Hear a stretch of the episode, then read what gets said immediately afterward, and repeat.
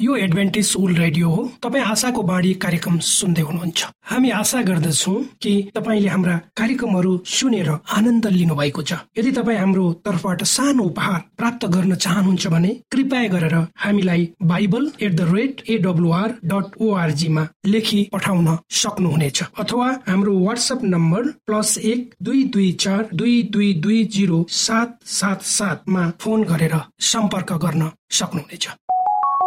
Covid नाइन्टिनका सम्पूर्ण खोप वा भ्याक्सिनको सफल परीक्षण गरिएको छ। यी भ्याक्सिन लिनाले हामी गम्भीर बिरामी हुनबाट जोगिन सक्छौ। त्यसैले तपाईँ पनि यो खोप लिनुहोस्। यदि तपाईँलाई पहिले नै कोभिड पोजिटिभ देखिसकिएको छ भने तपाईँ यो खोप चाँडै नै लिनुहोस्। यसो गर्नाले हामी र हाम्रो समुदायमा रोग प्रतिरोधक शक्ति चाँडै नै आउनेछ र हामी सबैजना पहिले जस्तै सामान्य जीवनमा फर्कन सक्दछौ। युनेस्को डब्लुएचओ र रेडियो कार्यक्रम आशाको बाणीबाट जनहितमा जारी सन्देश।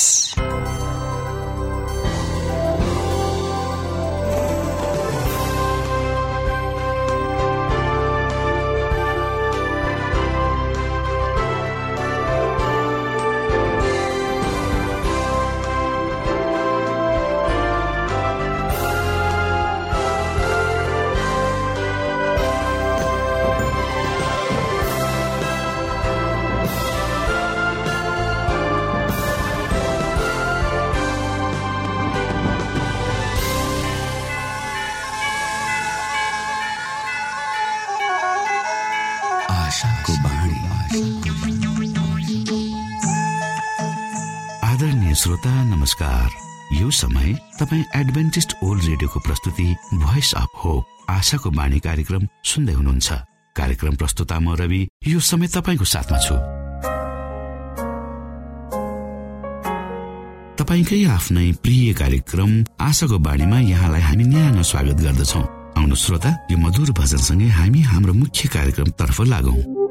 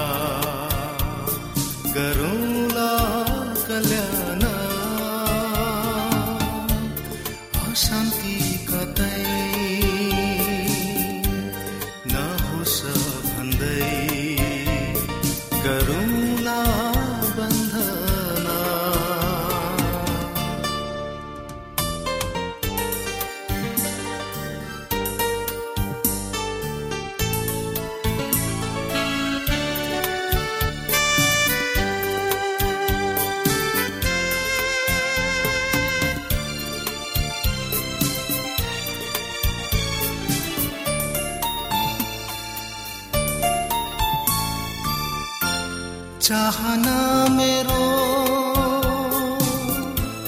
पुग्नु छ सबै। गाउँको घरै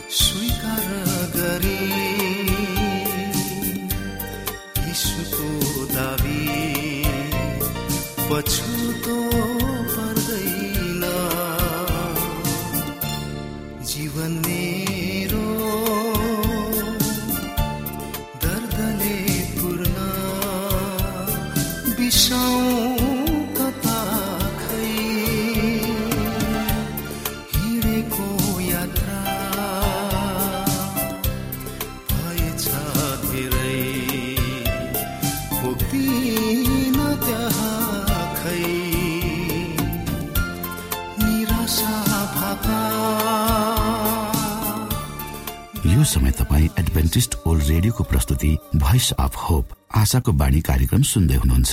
श्रोता मित्र यो समय हामी पास्टर उमेश पोखरेलबाट आजको बाइबल सन्देश सुन्नेछौ। श्रोत साथी न्यानो अभिवादन साथ म तपाईँको आफ्नै आफन्त पास्टर उमेश पोखरेल परमेश्वरको वचन लिएर यो रेडियो कार्यक्रम मार्फत तपाईँहरूको बीचमा पुनः उपस्थित भएको छु। श्रोता आउनुहोस् तपाईँ हामी केही समय परमेश्वरसँग बिताउँ। आजको प्रस्तुतिलाई पस्कनुभन्दा पहिले आउनुहोस् हामी परमेश्वरमा अगुवाईको लागि बिन्ती राख्नेछौँ। जीवित जिउँदो महान दयालु परमेश्वर प्रभु हामी धन्यवादी छौँ। यो जीवन र यो जीवनमा दिनुभएका प्रशस्त आशिषहरूको लागि। प्रभु यो रेडियो कार्यक्रमलाई म तपाईँको हातमा राख्दछु। यसलाई तपाईँको राज्य र महिमाको प्रचारको खातिर प्रयोग गर्नुहोस् धेरै मानिसहरू जो अन्धकारमा हुनुहुन्छ उहाँहरूलाई तपाईँको ज्योति देखाउनुहोस् र धेरै मानिसहरूले तपाईँको राज्यमा प्रवेश गर्ने मौका पाऊ सबै बिन्ती प्रभु यीशुको नाम आमेन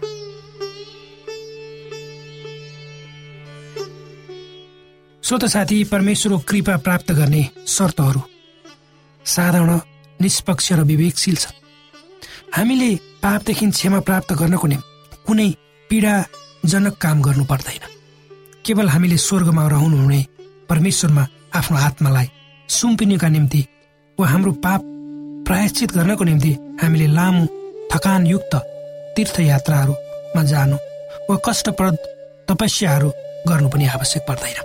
तर जसले आफ्ना पापहरू स्वीकार गर्दछ र तिनलाई त्याग्छ त्यसले कृपा पाउँछ भनेर भनिएको छ। श्रोत साथी ज जसले आफ्नो दोष स्वीकार गर्ने क्रममा आफ्नो आत्मालाई परमेश्वरको सामु नम्र तुल्याएको छैन तिनीहरूले वास्तवमा स्वीकृतिको पहिलो शर्तलाई अझै पनि पूरा गरेका छैनन्। यदि हामीले त्यस पश्चातापको बारेमा महसुस गरेका छैनौँ। र आत्माको नम्रता र चूर्णताका साथ आफ्ना दुष्टताहरूलाई घृणा गर्दै पाप स्वीकार गरेका छैनौँ भने हामीले कदापि पनि पाप क्षमाको खोजी गरेका छैनौँ। र यदि हामीले कदापि खोजी गरेका छैनौँ भने कहिले पनि परमेश्वरबाट शान्ति प्राप्त गरेका पनि छैनौँ। हृदयलाई सत्य वचनका शर्तहरूसित मन्जुर हुने गरी नम्र तुल्याउन राजी नभएकै कारण हामीले अतीतका पापहरूबाट क्षमा प्राप्त गर्न सक्दैनौँ। यस विषयमा स्पष्ट निर्देशन दिएको छ। सार्वजनिक वा व्यक्तिगत तवरले गरिएका पाप स्वीकारलाई हृदयदेखि महसुस गरिएको हुनुपर्छ। यो काम पापी व्यक्तिबाट जिद्दीका साथ मागिरहनुहुन्न र यसलाई हलुका तवरले हामीले लिनु पनि हुँदैन। पाप स्वीकार भनेको भित्री आत्माको प्रस्फुटन हो। यसले असीमित करुणामय परमेश्वरसम्मको मार्गमा हामीलाई डोर्याउँछ। भजन सङ्ग्रहका लेखकले भन्छन् चूर्ण हृदय भएकाहरू सबैका नजिक परमप्रभु हुनुहुन्छ र निराश भएकाहरूलाई उहाँले बचाउनुहुन्छ। श्रोत साथी जब पापले हाम्रो नैतिक अनुभूतिलाई अचेत तुलाइदिन्छ तब गलत कार्यमा संलग्न व्यक्तिले आफ्नो चरित्रको त्रुटिहरूका बारेमा बुझ्न सक्दैन। न त आफूले गरेका दुष्टताको भयानक रूपको बारेमा चाल पाउन नै सक्दछ। उसले स्वयं आफूलाई पवित्र आत्माको दोष सिद्ध शक्तिको बसमा नपुर्याएसम्म ऊ आफ्नो पापको आंशिक अन्धकारमै रहिरहन्छ। उसले गरेका पश्चातापहरू साँचो तथा गम्भीर हुँदैन। आफ्नो पापप्रति जनाउने हरेक स्वीकृतिप्रति आफ्नो सिलसिलाको बाहना स्वरूप उसले एक क्षमा याचना थप्ने गर्दछ। र यो घोषणा गर्दछ कि यदि कुनै यस्ता निश्चित परिस्थितिहरू उत्पन्न नभएका भए ऊ ती कार्यहरूमा संलग्न हुने थिएन जसको निम्ति ऊ दोषी ठहराइएको छ। श्रोता साथी हामीले परमेश्वरका आज्ञाहरू उल्लङ्घन गरेकोले हाम्रो निम्ति उहाँले दुःख कष्ट भोग्नु पर्यो। हाम्रो दुराचारहरूले गर्दा उहाँ पेलाइमा पर्नु हामीलाई शान्ति ल्याउन उहाँले सारा शास्ति भोग्नु भयो र उहाँको घाउले गर्दा हामी निको भयौँ। र हाम्रो सट्टामा आफू बलि भएर यसुले हामीलाई मुक्ति दिनुभयो। शैतानले ल्याएको भ्रम वा परमेश्वरबाट टाढा राख्ने लालसामा मानिस फसेको थियो र जुन कुरा परमेश्वरले नगर्नु भन्नुभएको थियो त्यही उसले गरेको थियो। तर त्यति नै खेर क्रिस्ट परमेश्वरका पुत्र मरेका र जीवितहरूका बीचमा खडा हुनुभयो। उहाँले भन्नुभयो उनीहरूले पाउने सजाय म माथि परुन्। मानिसको स्थानमा म खडा हुन्छु। उसले अर्को अवसर पाउनेछ। श्रोता साथी परमेश्वरको वचनमा उल्लेखित साँचो पश्चाताप र नम्रताका उदाहरणहरूले एक यस्तो पाप स्वीकारको भावना प्रकट गर्दछ जसमा पापको निम्ति कुनै बाहना र आत्मा सफाईको निम्ति कुनै प्रयास हुँदैन। पावलले स्वयं आफैलाई ढाकछोप गर्ने प्रयत्न गरेनन्। त्यसको सट्टा आफ्नो दोषलाई घटाउने प्रयत्न पनि उनले गरेनन्। आफ्नो पापलाई त्यसको सबैभन्दा कालो रङद्वारा उनले पोते र उनी भन्छन् र मुख्य पुजारीहरूबाट अख्तियार पाएर धेरै सन्तहरूलाई मैले जालखानामा हालेको मात्र होइन। तर तिनीहरूलाई मार्दा तिनीहरूकै विरुद्धमा मैले मेरो मत पनि दिएँ। अनि सबै सभाघरहरूमा तिनीहरूलाई बारम्बार सजाय दिइकन तिनीहरूलाई विश्वास त्याग गराउने चेष्टा गर्थे। तिनीहरूका विरुद्धमा क्रोधले उन्मत्त भइकन बाहिरका सहरहरूमा पनि मैले तिनीहरूलाई सताएँ। पापीहरूलाई उद्धार गर्न यसो क्रिस संसारमा आउनुभयो। र पापीहरूमा म सबैभन्दा मुख्य हुँ भनी घोषणा गर्न उनी हिचकिचाउँदैनन् श्रोता साथी यदि तपाईँ हामी परमेश्वरमा आउन चाहन्छु हामीले बाहिरी रूपमा होइन भित्री रूपमा पनि आफ्ना सबै पापहरू स्वीकार गर्नुपर्छ जसरी पावल प्रेरितले हामी गरेको पाउँछौँ। अन्त्यमा साँचो पश्चातापद्वारा बसमा पारिएको नम्र र चुण हृदयले परमेश्वरको प्रेम तथा कलबरीको मृत्युको बारेमा केही बुझ्न सक्नेछ। र जसरी एक पुत्रले आफ्नो प्रेमिलो पिताको सामु पाप स्वीकार गर्दछ त्यसरी नै एक साँचो पश्चातापी व्यक्तिले आफ्ना सबै पापहरू परमेश्वरकामा ल्याउँछ वा ल्याउनुपर्छ। पवित्र शास्त्रमा यसरी लेखिएको छ यदि हामीले आफ्ना पापहरू स्वीकार गर्यौँ भने उहाँले हाम्रा पाप क्षमा गर्नुहुन्छ र सबै अधर्मबाट हामीलाई शुद्ध पार्नुहुन्छ किनकि उहाँ विश्वासयोग्य र धर्मी हुनुहुन्छ। श्रोत साथी हामीले हाम्रो जीवनमा जानेर वा नजानेर पाप गरेका छौँ। सबैले पाप गरेका छौँ। र ती पापहरू दृश्य वा अदृश्य पापहरू पनि हुन सक्छन्। यदि तपाईँ र म परमेश्वर कहाँ आउन चाहन्छु भने हामीले हाम्रा जीवनमा भएका सबै किसिमका पापहरू गुप्त पाप र सबैले देखिने गरेका पापहरूलाई परमेश्वरकामा ल्याउनु पर्छ। किन परमेश्वरको अगाडि हामीले गरेका कुनै पनि कुराहरू लुकेका छैनन्। जब हामी कुनै घुम्टो नओडिकन परमेश्वरमा आउँछौँ हामी जस्तो छौँ त्यस्तै रूपमा आउँछौँ। सबै कुराहरू परमेश्वरको अगाडि खोल्छौँ तब परमेश्वरले तपाईँ र मलाई ग्रहण गर्नुहुन्छ। किनकि परमेश्वरले तपाईँ र मेरो हृदय बुझ्नुहुन्छ। यी वचनहरूले तपाईँलाई आशिष दिनुहोस्।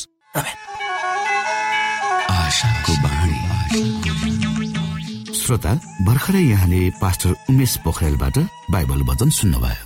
यो समय तपाईँ एडभेन्टिस्ट ओल्ड रेडियोको प्रस्तुति भोइस अफ होप आशाको बाणी कार्यक्रम सुन्दै हुनुहुन्छ।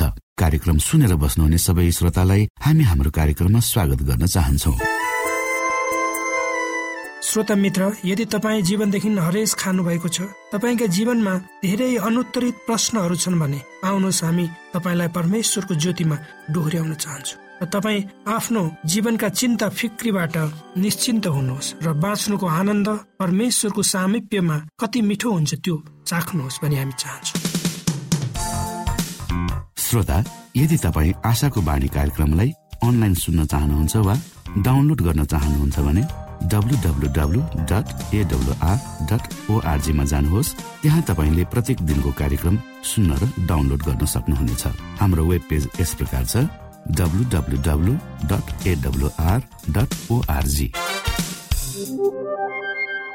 श्रोता यदि तपाईँ हामीसित सिधै फोनमा सम्पर्क गर्न चाहनुहुन्छ भने हाम्रा नम्बरहरू यस प्रकार छन्। अन्ठानब्बे एकसाठी पचपन्न शून्य एक सय बिस। अन्ठानब्बे एकसाठी पचपन्न शून्य एक सय बिस र अर्को अन्ठानब्बे अठार त्रिपन्न पन्चानब्बे पचपन्न। अन्ठानब्बे अठार त्रिपन्न पन्चानब्बे पचपन्न। श्रोत साथी न्यानो क्रिस्टी अभिवादन साथमा पास्टर उमेश पोखरेल परमेश्वरको वचन लिएर तपाईँहरूको बिचमा उपस्थित भएको छु। श्रोता मलाई आशा छ तपाईँले हाम्रा वचनहरू नियमित रूपमा सुन्ने गर्नुभएको छ र परमेश्वरका आशिषहरू प्राप्त गर्दै हुनुहुन्छ। र परमेश्वर को हुनुहुन्छ भन्ने कुरो आफ्नै अनुभवबाट दिन प्रतिदिन सिक्दै हुनुहुन्छ।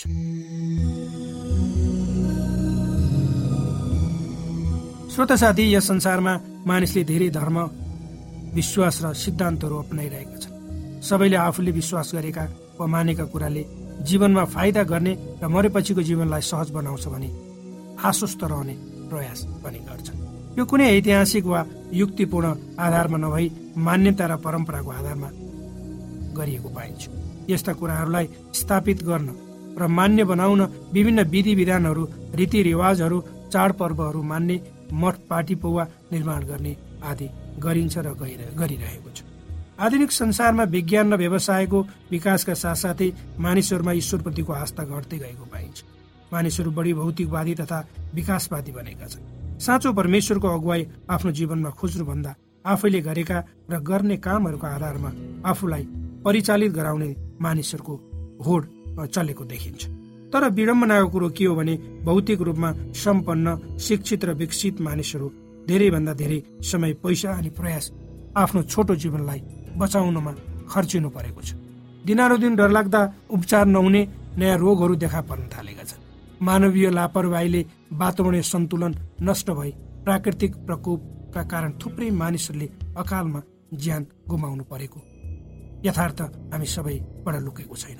यसले मानिसहरूलाई हतोत्साहित र निराशा बनाएको छ जसले गर्दा अन्याय अत्याचार तथा अनैतिक कामहरूतिर मानिसहरू अग्रसर भएको हामी पाउँछौँ। विकसित देशहरूको शोषण र अन्यायमा परि आफ्नो अज्ञानता र लापरवाहीका कारण कम विकसित राष्ट्रहरू बेरोजगारी गरिबी तथा त्यसबाट उब्जिएको सामाजिक राजनैतिक र भ्रष्टता र अन्यलको भूमिमा परिरहेको हामी देखिरहेका छौँ। कुनै विकासवाद वा सिद्धान्तले यसबाट मानिसलाई उकास्न सकेको हामी पाउँदैनौँ।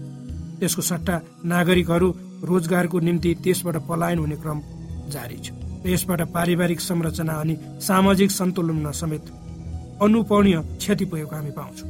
यही सन्दर्भमा यी जटिल समस्याहरूको समाधानको बाटो देखाउन जीवनका समस्याहरूको समाधानको रूपमा प्रभु येसुमा नयाँ जीवन पाएकाहरूले मात्र माथिको ज्ञान र शक्तिमा यो काम गर्न योग्यका र सक्षम हुन्छन्। परमेश्वरले संसारलाई प्रेम गरी सारा मानव जातिको उद्धारको काम र अनन्तसम्म रहने जीवनको बन्दोबस्त गरिसक्नु भएको छ। ऐतिहासिक रूपमा प्रभु येसुले गर्नुभएका उद्धारको काममा विश्वास गरी उहाँमा उहाँसँग र उहाँको निम्ति जिउन तयार हुने सबैको निम्ति उद्धार अनि अनन्त जीवन सित्तैमा उपलब्ध गराइएको छ। यो उद्धार र अनन्त जीवनको जीवनले अहिलेको र यही संसारको जीवनमा समेत शान्ति आनन्द तथा सफलता प्रदान गर्ने गर्दछ। यो मरेपछि जिउने जीवन नभई अहिले र यहाँ जिउने जीवनको शैली हो। क्रिस्टीय जीवन प्रभु येसुमा प्रभु येसुसँग र प्रभु येसुको निम्ति जिउने जीवन हो। हामीले गर्ने भक्ति र कर्महरूबाट नभई परमेश्वरमाथि हामीले गर्ने विश्वासबाट मात्र परमेश्वरलाई प्रसन्न पार्न सकिन्छ जुन कुरो पवित्र धर्मशास्त्र बाइबलको हिब्रो एघार अध्यायको छ पदमा लेखिएको छ। यो विश्वास मानिसहरूको मनले पत्याउने र स्वीकार गर्ने कुरा मात्र नभई सुसमाचार र पवित्र आत्माबाट जो परमेश्वरको आत्मा हुनुहुन्छ त्यसबाट हामीलाई उद्धारको निम्ति योग्य बनाउने विश्वास हो। यसद्वारा नै हामी प्रभु येसु हाम्रो साटो क्रुसमा मर्नु भएको र उहाँको बौरी उठाइबाट प्राप्त नयाँ जीवनको अनुभव गर्नको निम्ति प्रभु येसुलाई व्यक्तिगत प्रभु र मुक्तिदाताको रूपमा ग्रहण गर्छु। यो चाहिँ प्रभु येसुमाथि भर पर्ने विश्वास हो। प्रभु येसुको विषयमा बुझेर परमेश्वरको वचनको सत्यतालाई जानेर र स्वीकार गरेर उहाँको जीवन जीवित उपस्थितिलाई थाहा अनि अनुभव गर्ने विश्वास हो। यो विश्वासले हामीमा जीवन परिवर्तनको सुरुवात गर्दछ। त्यही विश्वासले नै हामीमा नयाँ जीवनको चाल शक्ति वृद्धि प्रकट हुन्छ। यही विश्वासले हामीलाई यो दुष्ट संसारमा हरेक परिस्थितिमा जयवन्त र धीरजी भई जिउन प्रेरणा दिन्छ र सक्षम बनाउँछ। यो विश्वासमा हामी अन्तसम्म विश्वासयोग्य भई जिएर मात्र स्वरूपको राज्यमा प्रवेश गर्न पाउँछौँ। तर पतित भएमा स्वरूपको राज्य घुमाउनेछौँ प्रभु यीशुसँग जिउनु भनेको उहाँको उपस्थिति महसुस गरी जिउने जीवन हो। हामी कदापि एक्लै हुने छैनौँ। म कहाँ आउनेहरूलाई म कुनै रीतिले त्याग्ने छैन र म युगको अन्त्यसम्म तिमीहरूसँग रहनेछु भनी उहाँले प्रतिज्ञा गर्नुभएको छ। तर यसको निम्ति उहाँको उपस्थितिको भए राखी योग्यको जीवन जिउनु जिउनु र हरेक कुरामा सधैँ उहाँको सल्लाह अनि अगुवाईमा जिउने बानी बसाल्नु पर्ने हुन्छ। जीवनको हरेक पक्षमा म यसुसँग जिइरहेको छु भन्ने कुराको बोध र जिम्मेवारी महसुस गरी उहाँमा ग्रहणयोग्य हुने प्रयास गर्नुपर्छ। कोभिड नाइन्टिनका सम्पूर्ण खोप वा भ्याक्सिनको सफल परीक्षण गरिएको छ। यी भ्याक्सिन लिनाले हामी गम्भीर बिरामी हुनबाट जोगिन सक्छौ। त्यसैले तपाईँ पनि यो खोप लिनुहोस्। यदि तपाईँलाई पहिले नै कोभिड पोजिटिभ देखिसकिएको छ भने तपाईँ यो खोप चाँडै नै लिनुहोस्। यसो गर्नाले हामी र हाम्रो समुदायमा रोग प्रतिरोधक शक्ति चाँडै नै आउनेछ र हामी सबैजना पहिले जस्तै सामान्य जीवनमा फर्कन सक्दछौ। युनेस्को डब्लुएचओ र रेडियो कार्यक्रम आशाको बाणीबाट जनहितमा जारी सन्देश।